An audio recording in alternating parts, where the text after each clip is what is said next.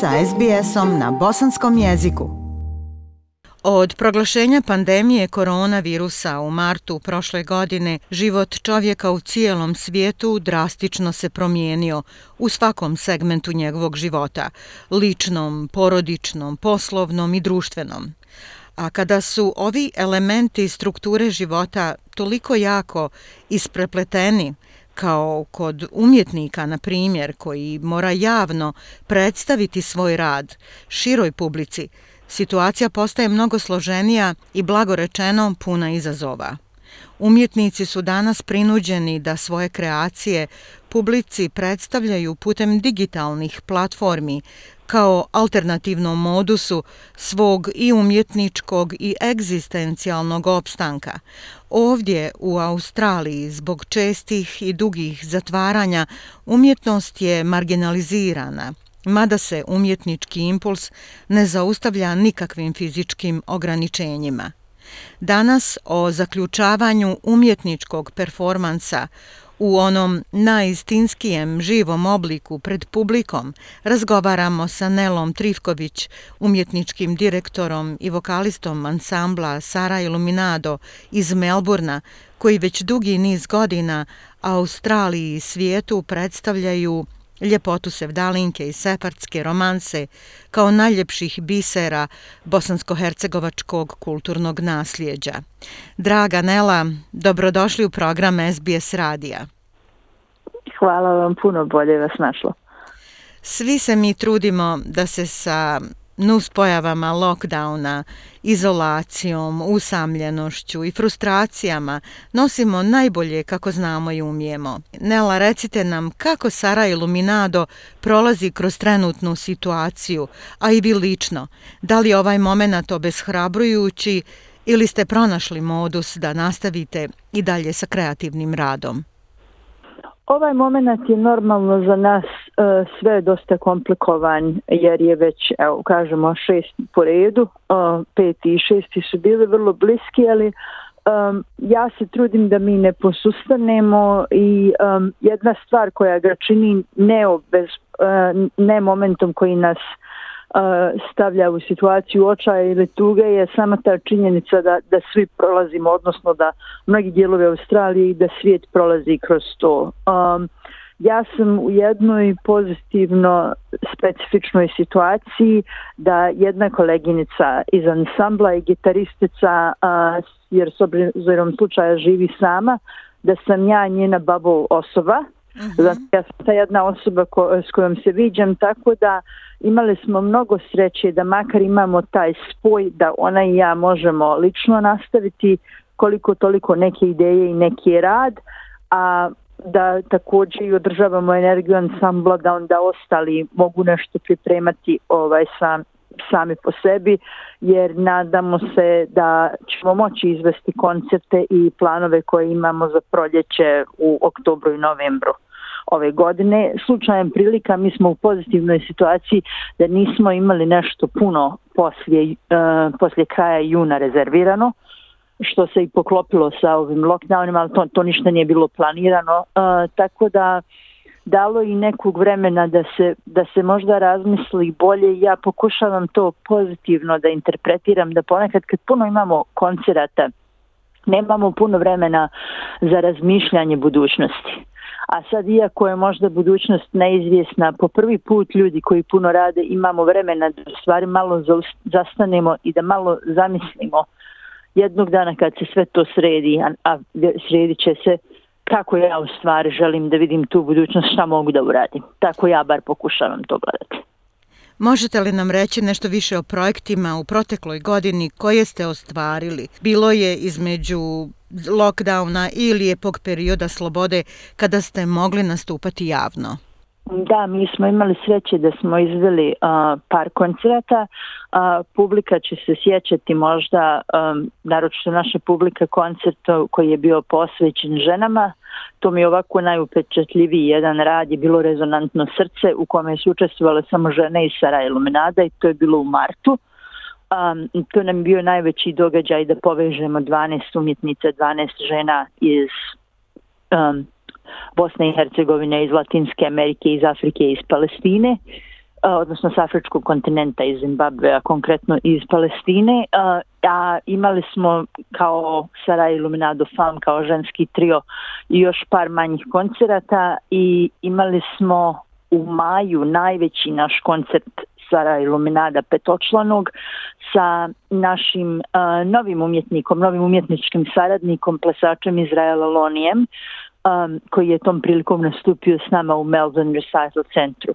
Izuzev toga, u tom periodu između lockdowna također Sara Iluminado Fam žene su sudjelovale u Bosansko-Hercegovačkom festivalu u Tuzli. Um, poslale smo digitalnim putem naše učešće za festival savremene žene, umjetničke direktorice Edine Selesković u Tuzli, koja je inače vizualna umjetnica vrlo a, značajnog evropskog renomea koja djeluje iz Tuzle, dugo vremena je živjela u Njujorku.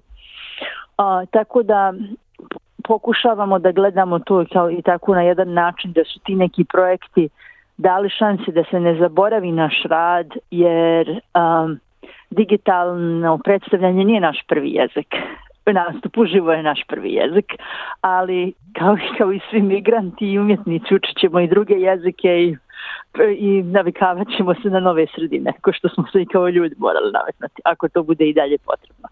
A moramo se prilagođavati situaciji kakva je. Svjesni smo da je u nekoj bliskoj budućnosti teško planirati nastupe o putovanjima i turnejama, da još i ne govorimo, ali na čemu trenutno radite? Recite nam nešto o projektima koje imate u vidu u narednom periodu.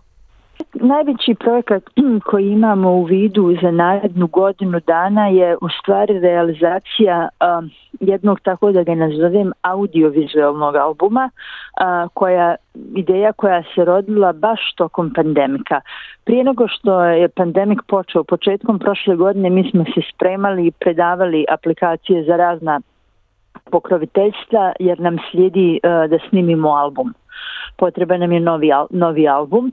Međutim, kako se razvila korona i kako je usporila u to doba kad smo mi tek počeli raditi sa Izraelonijem, kako je usporila ta saradnja, onda smo je uspjeli realizirati u ovaj ove godine.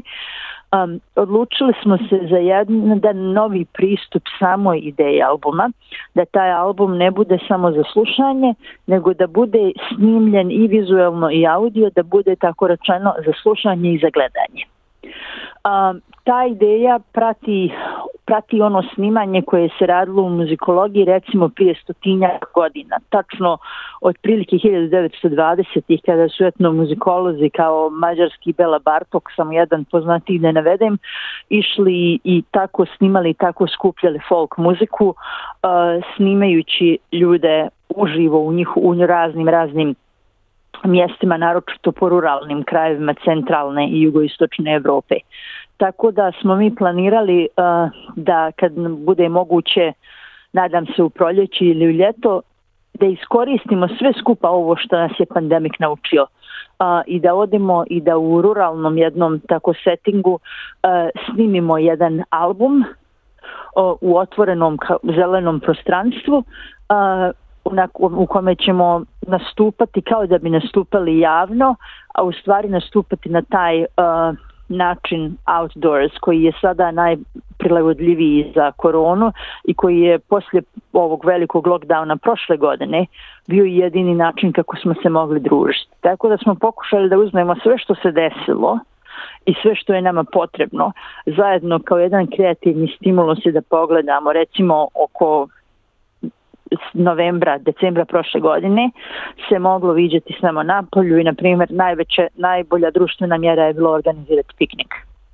Tako da smo mi odlučili da se priorijentišemo i na to šta mi možemo tako uraditi na polju gdje bi se to moglo izvoditi ako to bude ponovo mjera. Možemo snimati na taj način, snimati na polju, snimati uh, i u stvari pokušati da uzmemo neke ideje iz starih dana koje su možda dobre ideje i koje su možda često odbačene zato što su kao prošla im je moda i mi tako u stvari u ovom modernom svijetu puno ideja vrlo kratko koristimo i vrlo brzo ignorišemo. Tako da ja pozitivno pokušavam da gledam s obzirom na to da mi sviramo našu folk muziku, šta ima iz starinskog života da je korisno da se reciklira a da nas je korona samo podsjetila. A, s obzirom na to da je naša publika a, sa svih strana svijeta, ali ima i značajniji broj naše publike i bosansko-hercegovačke i iz drugih zemalja regiona a, koji su možda u, u poznijim godinama. Mislim da je, da je ovaj album za slušanje i gledanje tako i bio jedan lijep gest i poklon našoj publici koja možda neće još dugo vremena biti komotna doći na javni koncert zavisno od svog zdravstvenog stanja, od svog stanja kako se osjećaju u velikim sredinama, od vakcinacije, od raznoraznih faktora koji su sad postali vrlo značajni. Tako da ja to gledam kao nešto što mi možemo da uradimo na jedan način, ne samo da mi imamo produkt, već baš da ovaj proslavimo i da se zahvalimo toj našoj publici koja nam je bila vjerna, a koja je sad i, on, i ona je ranjiva i mi smo ranjivi kao umjetnici, ali moramo dalje. Zaista zvuči fantastično i mogu misliti kako će to izgledati i kako će zvučati. Kako vidite umjetnost u budućnosti? Ona u ovom momentu transformiše puteve svog predstavljanja. Ima li mjesta umjetnosti u životu budućeg čovjeka? To je moj svakodnevan život, tako da normalno moj odgovor je ja se nadam da ima, jer ne mogu zamisliti život u kome nema. Ovaj, možda se sad dovodi nama jedno veliko egzistencijalno pitanje u prvi plan uh, digitalna umjetnost um, i umjetnost uživo pogotovo za ljude kao, kao ja koji se pretežno bave umjetnošću uživo, ali ja mislim da će, se, da će se sve to možda polako vratiti. Možda opet jedna stvar koja se može iz prepreke prevesti u nešto pozitivno je da ćemo morati ponovo da se orijentišemo na u stvari manje intimnije nastupe, bolje organizirane, sa manjim brojem ljudi, ali koje će opet vratiti taj neki kvalitet koji u stvari često ima umjetnost prije nego što je previše popularna. Ja kad radim na akademiji obično pričam studentima ovaj, a, a i učenicima u srednjoj školi da često ovaj, najbolju umjetnost koju će iskusiti, će u stvari iskusiti na, ovom, na ovome što nazivamo grassroots levels na engleskom. I da često komercijalizirana umjetnost u stvari izgubi tu neku oštricu koju ima umjetnost koja još uvijek pokušava da se probije i koja još uvijek pokušava ovaj da bude značajna i relevantna i da okrene u stvari glave društva u pravom, ovaj, u pravom pravcu. Tako da možda će nam se ta neka, do, to neko dostojanstvo i ta neka značajnost i vratiti sa ovim nečim. Um, a, nadam, a nadam se i da ćemo postati bolji i da ćemo se bolje naučiti nego što smo se naučili u posljednjih godinu dana. Svaki mjesec dana smo bolji sa digitalnim medijima, tako da vjerovatno kao umjetnici koji smo bili umjetnici uživo, a, kako nam se bude razvijao dalje taj novi jezik, donijećemo više nečeg uživo. Nadam se da ćemo uspjeti da otoplimo i da oplemenitimo taj digitalni medij koji možda u početku nije nam bio tako poznat. A, I koristan je na kraju krajeva za internacionalne veze u doba kada se ne može putovati, a i za internacionalne veze u doba kada, a ovo doba je uvijek trajalo za nas, u doba kad značajno nema dovoljno fundinga da bi mi putovali internacionalno. Nadam se da bar možemo sad realizirati digitalno neke internacionalne veze. I neke internacionalne turneje. Nela, vašim nastupima sa članovima ansambla Saraj Iluminado u Australiji prenosite ljepotu bosanske pjesme, sevdalinke i jevrejske separske romanse, ali ih i na taj način čuvate od zaborava. U duhu ljepote tog važnog dijela bosansko-hercegovačkog kulturnog nasljeđa, koja bi bila vaša poruka slušaocima SBS radija? Moja poruka našim slušaocima uvijek je um, istrajte i nemojte zaboraviti da imamo glas i da imamo mogućnosti doprinijeti i pokazati nešto.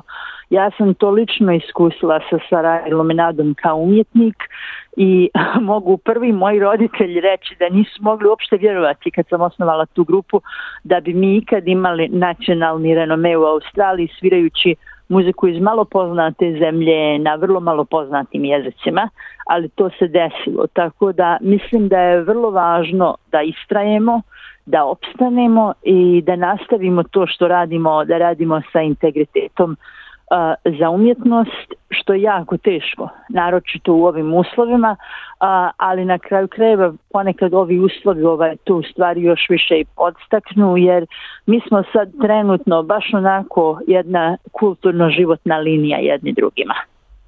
U doba kad smo svi, kao što rekao ste, i razdvojeni i, i, i usamljeni i sad smo podijeljeni na jedan novi način, podijeljeni smo mišljenjima o pandemiku i mišljenjima kako se treba organizovati u pandemiku, ovo postaje ponovo jedno oružje da mi ponovo budemo skupljeni, da mi ponovo razmjenjujemo uh, neke naše običaje i da baš ko što ovo mi pokušavamo da radimo sa albumom, da ne bacimo staro znanje, nego da pogledamo s tim znanjem kako ćemo naprijed u budućnost, da ga iskoristimo i obnovimo, ali također i modernizujemo. Draga Nela, hvala vam na ovom razgovoru i lijepim riječima ohrabrenja i podrške. Želimo vam puno uspjeha u daljem radu i neka živi umjetnost. Hvala puno, hvala vam na pozivu i na ovoj prilici i veliki pozdrav i velika poruka za istrajanje svim našim slušateljima. Like, share, comment. Pratite SBS Bosnian na Facebooku.